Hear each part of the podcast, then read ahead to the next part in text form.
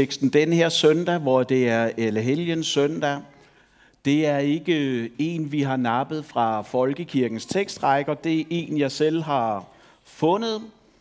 Og øh, det er salme 61, som vi gerne skal øh, kigge på nu.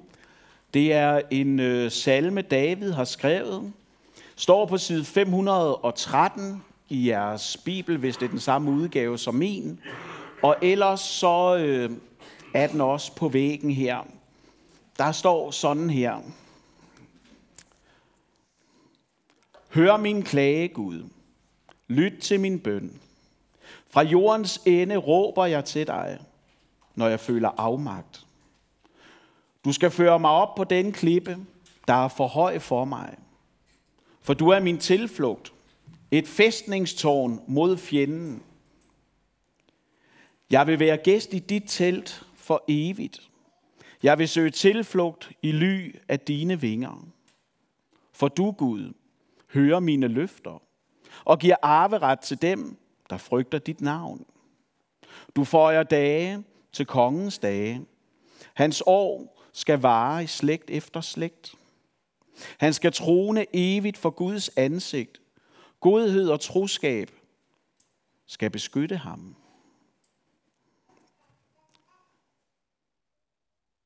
Der vil jeg lovsynge dig. Der vil jeg lovsynge dit navn til evig tid og indfri mine løfter dag efter dag. Det er Guds ord. Amen. Lad os øh, fortsætte med at bede sammen. Kære Gud og far i himlen, tak fordi vi nu ikke bare kan være sammen med hinanden, men også med dig. Uanset om vi er på den her side af væggen eller ej. Og Gud, nu beder jeg dig om, at det må være vores erfaring den her formiddag. At du er her, og at du taler til os. På en måde, så vi forstår det, så vi tager det til os, og så vi tror det. Og Jesus, du ser, at en dag som i dag, der kan der være rigtig meget, der fylder vores sind. Der kan være rigtig meget, vi er optaget af, ting vi har båret med herinde, som på den ene side eller måde fylder og, og larmer lidt. Så jeg beder dig sådan om, her, at du nu må komme og give vores sjæl ro, vores tanker hvile. Sådan at vi kan høre det, du har at sige til os, og tage imod alt det, som du vil give os. Kom her og vær os nær. Amen. Se, øh, nu ved jeg ikke, hvordan I som øh, sidder her, hvordan I har det med Tanzania, om det er noget, I gør det i. Hvor mange herinde har været i Tanzania? Det er jo en LM-forsamling. Ja, det er alligevel en del sådan, ikke også? Jeg har lige været der jo i efterårsferien. Og mens jeg var afsted, blandt andet her, så lærte jeg noget, noget, som jeg måske egentlig godt vidste i forvejen. Det var ikke sådan, at det var fuldstændig nyt for mig, men, men, men, men der var noget, der blev tydeligt for mig. Fordi på den her tur til Tanzania, der kom vi jo forbi den her Masai-plads. Man kan se Charlotte, vores øh, kontaktmissionær, hun sidder lige her. Og her, der kan man se min hånd give en Marie-kiks til de her børn. Og i den hånd, man ikke kan se så godt herop, der var der også Daim-chokolade. Det kan man også godt lide, Tanzania viser det sig. Men jeg lærte noget afgørende dernede, nemlig at der er tre universelle sprog, mindst i hvert fald, som, som forbinder mennesker, uanset hvor de er, de bor henne. Der er sprog, der på en eller anden måde gør, at selvom vi kommer fra forskellige kulturer, forskellige kontinenter, forskellige baggrunde, har forskellige livsvilkår, så er der alligevel bare noget, der binder folk sammen. Og det første, der bandt os sammen herude sådan, hvor vi sad sammen med massajerne, ved hvad det var? Det første sprog, der bandt os sammen. Nogen, der har et bud? Nej, det var ikke Marie Kiks, men øh, det, det kunne de godt lide. Det er fodbold. Det viser sig, at tanzanianere går voldsomt meget op i fodbold. Det er rigtigt. De kan købe sådan nogle øh, ekstra små pakker på deres mobiltelefoner, som de jo har ude på den der Masaibo-plads. Det kan godt være, at der ikke er rendende vand, men de har mobildækning, som de lader op med solceller på deres tag derovre sådan. Og så kan de for, for en meget billig penge, altså 5.000 shilling, hvad er det? 15 kroner. Så kan de købe sådan en adgang til at streame Premier League og sådan, og det gør de. Hmm. De holder så med nogle frygtelige hold, så derfor så skal man jo holde sig lidt væk sådan, ikke? Men, men, men det samler folk, der bor langt væk. Fodbold, det kan virkelig binde folk sammen. Det andet, det er musik. Og det vender vi tilbage til, når vi lander prædikenen sådan. Og så er det tredje, der binder os sammen. Det er sorgen. Det er smerten. Når, når vi mærker den her kulde, som det er at være uden for paradiset. Fordi dem, vi besøgte her, de havde oplevet, at deres høst var slået fejl. Og det var kritisk. Fordi de kan jo ikke bare lige træske ned i Rema, sådan rundt om hjørnet. Og det gik op for mig, da jeg stod der i bravende hede og spiste mariekiks, så jeg ikke behøvede at spise den ged, de var ved at stege, sådan, ikke også? Gik det jo op for mig, at deres sorg talte instinktivt til mig. Det, de sagde, det forstod jeg. Der var en resonans i det, som de oplevede, der svingede med en velfærdsdansker. Og jeg lærte noget om at stole og håbe på Gud. For på en dag som i dag, hvor vi samles for at, at mindes dem, der er gået forud for os, og som nu er kommet hjem, der minder vi hinanden om jo, at ja, natten er lang, og den kan synes lang, og den kan synes mørk, ensom og isolerende. Men når solopgangen fra det høje kommer igen, så vil det aldrig ende. For den Gud, som vi må kalde far, han skal føre og tage os steder hen, hvor vi ikke selv kan komme, fordi han er troens banebryder og fuldender. Han er den, der ikke bare vil føre os igennem mørket og sorgen, og så efterlade os på den anden side, men han vil føre os helt hjem. Der, hvor sorg og smerte ikke længere skal være. Og det er, hvad vi skal prøve at, at udfolde sammen i dag. Men inden vi vender os mod det her med sorg, så lad os lige kort få sat scenen for vores salme. Fordi vi ved ikke helt, hvornår David har skrevet den her salme. Det er jo tydeligvis en salme, der er skrevet, mens han er i krise, men dem, det virkede som om, han samlede på dem jo. Han var igennem sit liv i flere kriser, men de fleste kommentatorer, de gætter på, at den her salme er blevet til, mens hans søn Absalom gjorde oprør. Og derfor så er der jo en, en tydelig forskel her. Mange af salmerne, hvis I lægger mærke til det, de er jo kollektive. Men her der beder David for sig selv. Det, her, det er en personlig hjerteudøselse. Ja, det kendte computeren heller ikke, da jeg skrev det sådan, men det, det, det, er en, det er en hjerteudøselse, hvor David synger for at tømme hans hjerte. For ligesom at give sorgen ord. Sæt, sæt smerten til tone. Sådan at hans ord også kan hjælpe os, der mange år efter læser dem. Og så kan vi gøre hans ord til vores ord i mødet med den sorg og den smerte, som vi nu vil vende os mod. Og vi starter med en ret pessimistisk konstatering. Det kan godt være, at du som ikke hører det her lige nu, er i sorg. Selvom det er alle helgens søndag. Men det kommer du. Fordi sorg, det er lidt ligesom et pendul. Det svinger i styrke og intensitet. Det kommer og går, med, og det er jo ikke et, det er jo ikke et sygdomstegn, men det er et livsvilkår på syndefaldets jord. Sorg, det er et tegn på, at du har elsket. Sorg, det er jo kærlighed, der består. Og inde i den her sorgens kerne, der er der en ensomhed, der kan være svært at få sat ord på, men som meget tydeligt mærkes af den, der sørger. Jeg er overbevist om, at Jesus han kan rumme vores sorg, og vi andre vi kan lindre den, hvis vi tør at være i det afmægtige rum med den, der mangler og sørger. Fordi sandheden er jo, at sorg ødelægger. Sorg, det sætter ar, skaber mærker. Det knuser. Det river ting fra hinanden. Og det er okay. Der er ikke nogen af os, der går igennem det her liv, uden at vi får syndens ar og mærker på vores krop. Det, der så kan være udfordrende, det er jo bare, at i vores samfund, der må du helst ikke være ødelagt. Lige nu så kører der sådan en, en debat om, hvorvidt at, øh, at, at forældre eller pædagoger er bedst til at passe børn, og hvornår man skal hente sine børn i daginstitutioner og sådan noget. Og det, der er rationalet bag, det er jo, du må ikke prioritere anderledes. Du må ikke være lidt i stykker, for du skal ud, og så skal du tjene penge til, at samfundsmodellen kan hænge sammen. Og hvis du ikke kan det, så skal du repareres.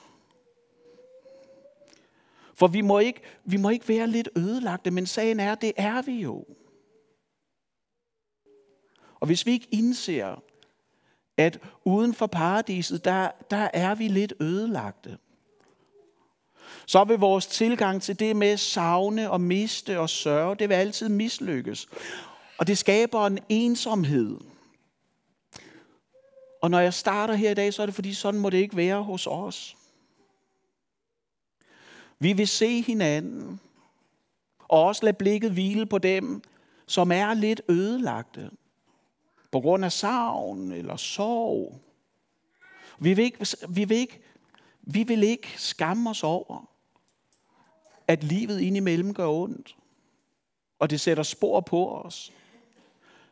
Jeg tror, at, at sorg det giver en frygt, der sidder i hjertet som udhuler det indvendigt, indtil det ligesom pludselig bryder sammen, og så bliver det modstandsløst, og det bliver magtesløst. Det æder, og det sønderriver, søndergenaver alle de skjulte tråde, der har forbundet os med både Gud og hinanden.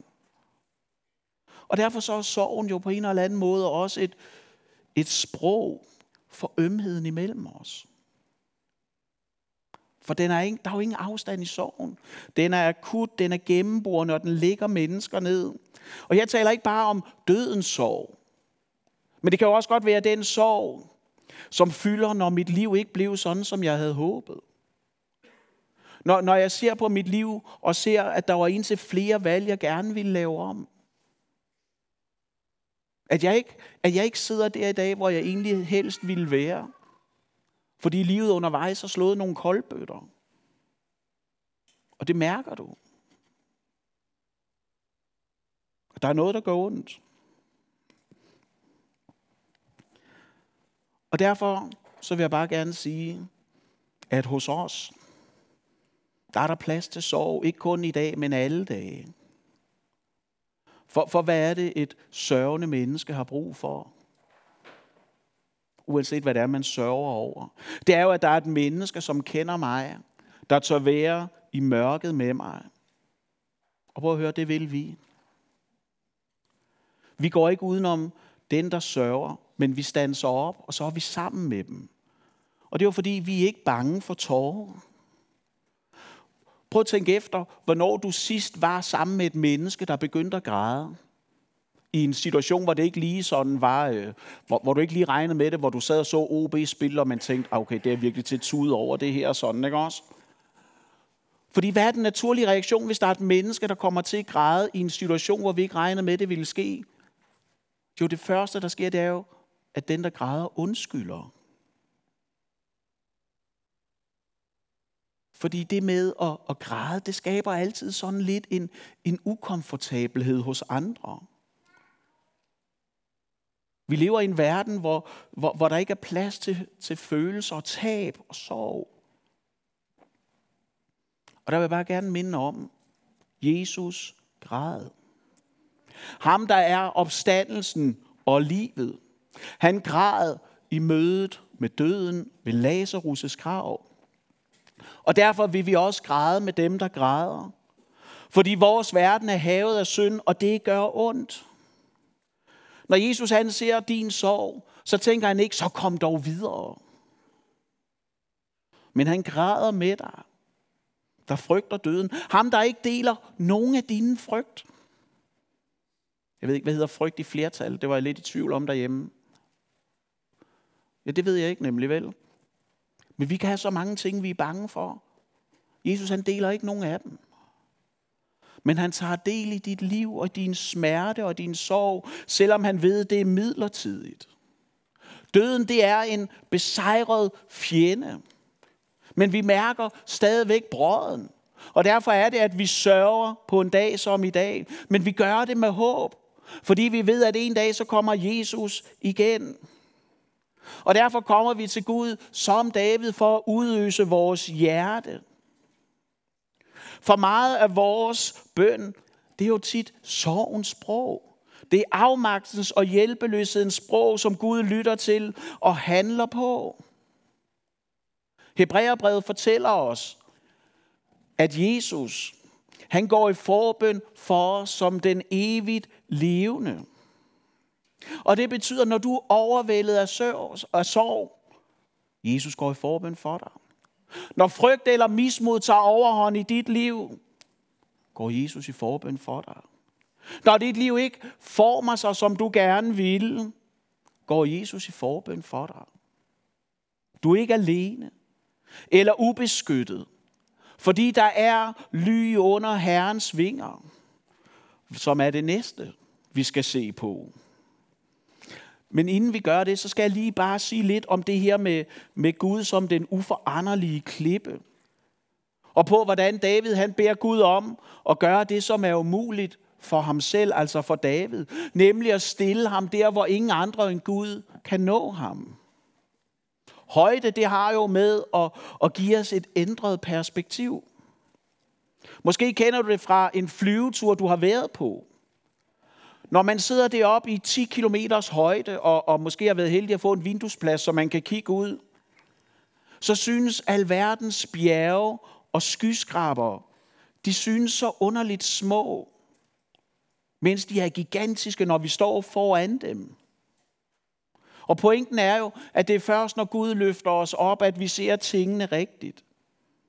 At alt det, vi slås og kæmper med, det er under Guds fødder, forstået på den måde. Gud har magt over dem.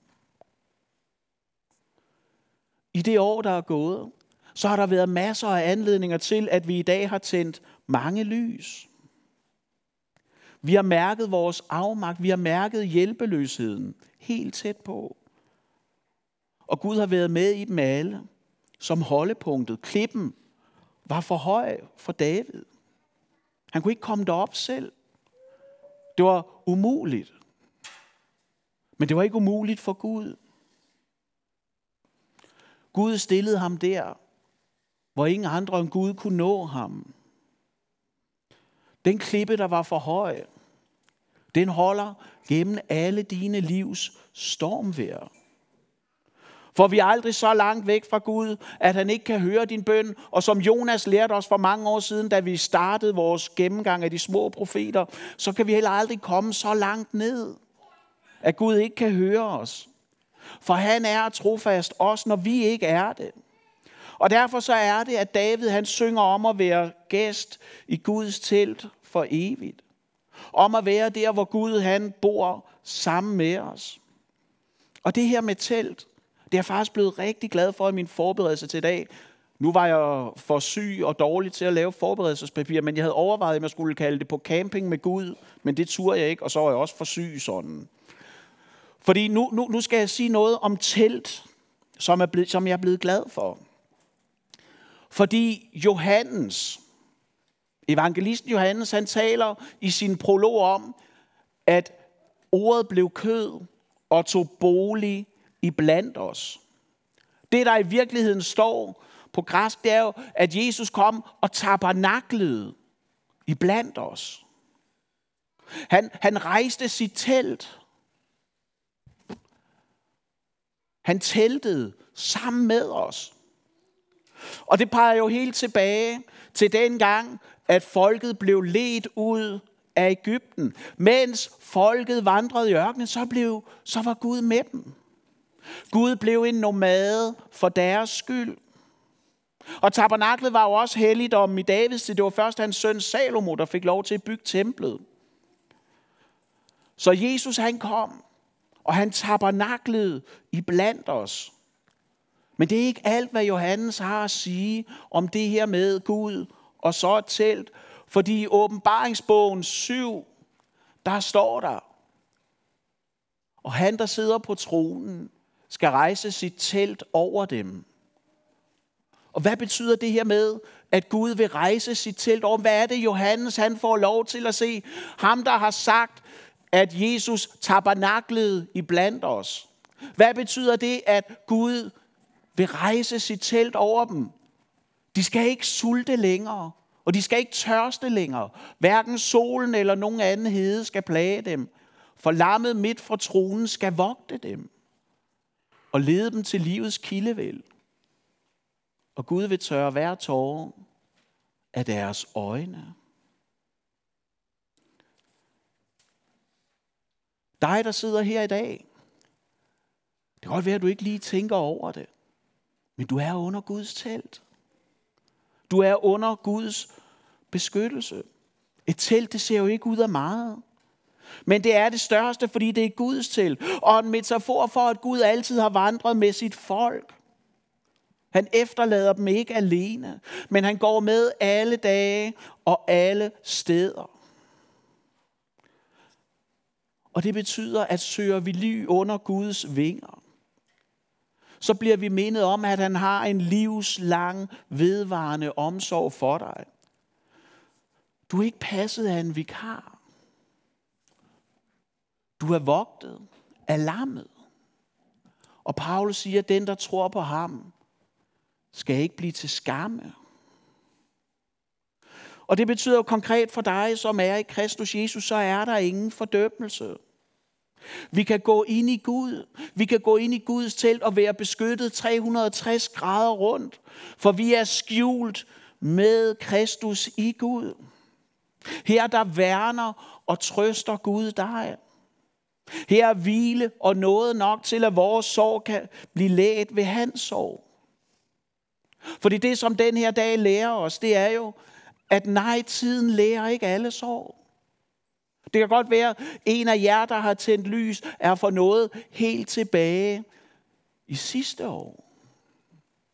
Og måske har I lært på den hårde måde, at tiden ikke lærer alle sorg, men vi er jo overbevist om, at der er sorg, der lærer til alle tider. Og det er Jesus sorg.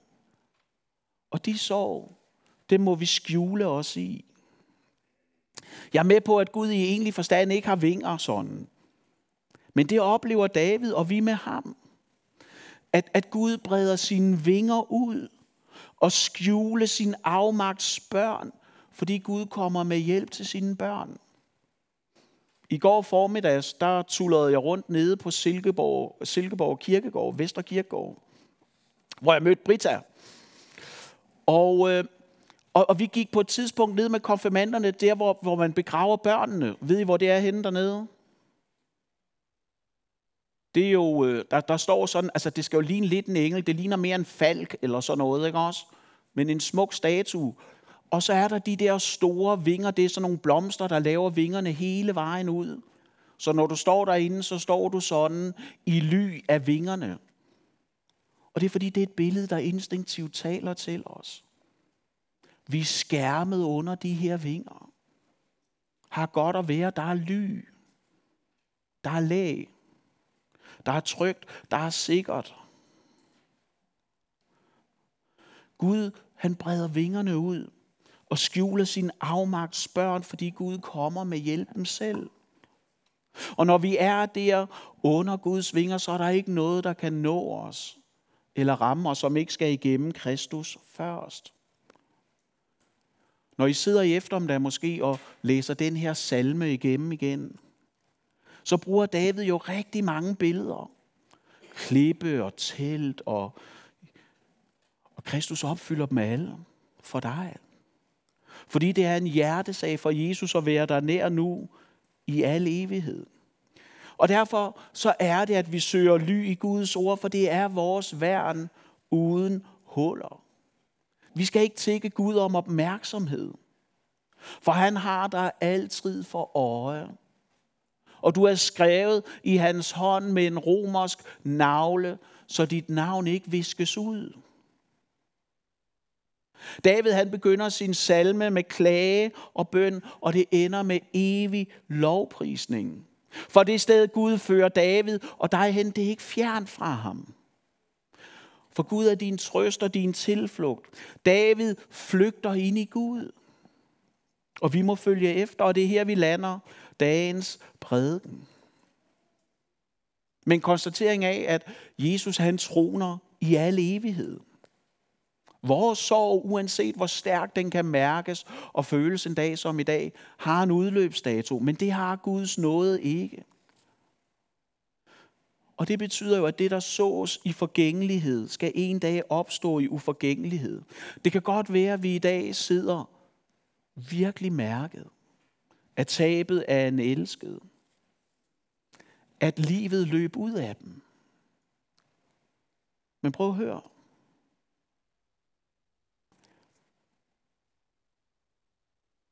Jesu blod er jo ikke løbet ud af dem, som tror på ham. Og derfor er døden ikke det sidste. For det sidste, det er lovsangen til det slagtede lam. Og så er vi tilbage i Tanzania igen på Masaibo-pladsen.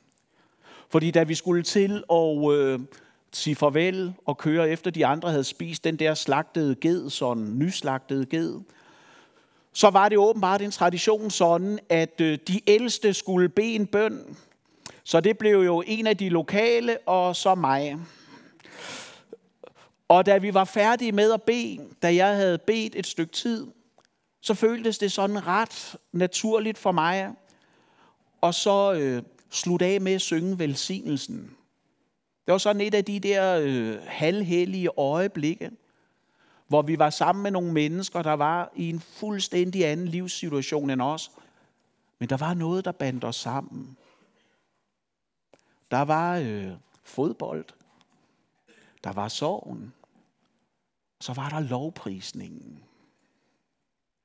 Og det vi gerne ville ønske for dem, det var jo, at Gud måtte beskytte og beskærme og bevare dem. Og det føltes rigtigt og stærkt, og det gjorde vi så. Vi sang den her udgave af Oslo Gospel Choir, hvor man til sidst slutter af med at synge otte gange Amen sådan, ikke også?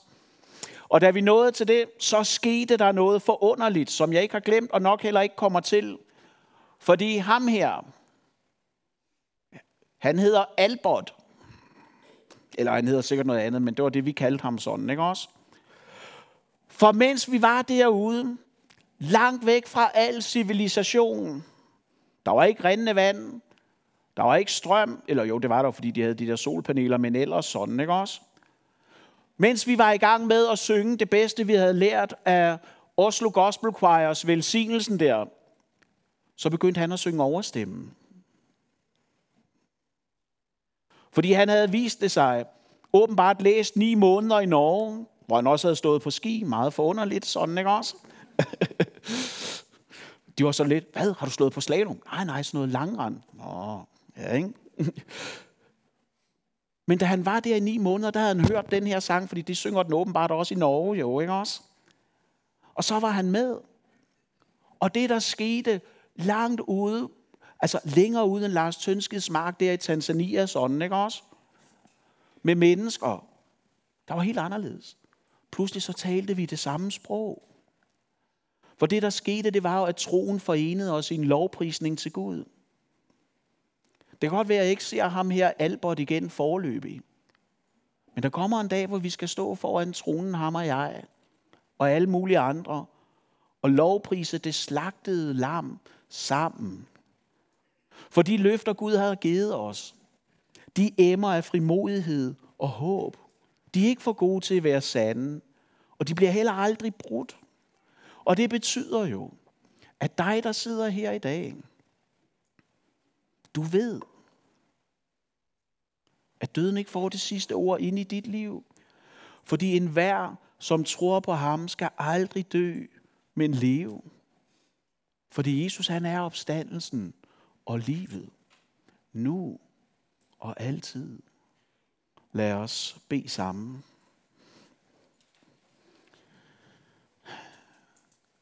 Kære Gud og far i himlen, jeg beder dig sådan om,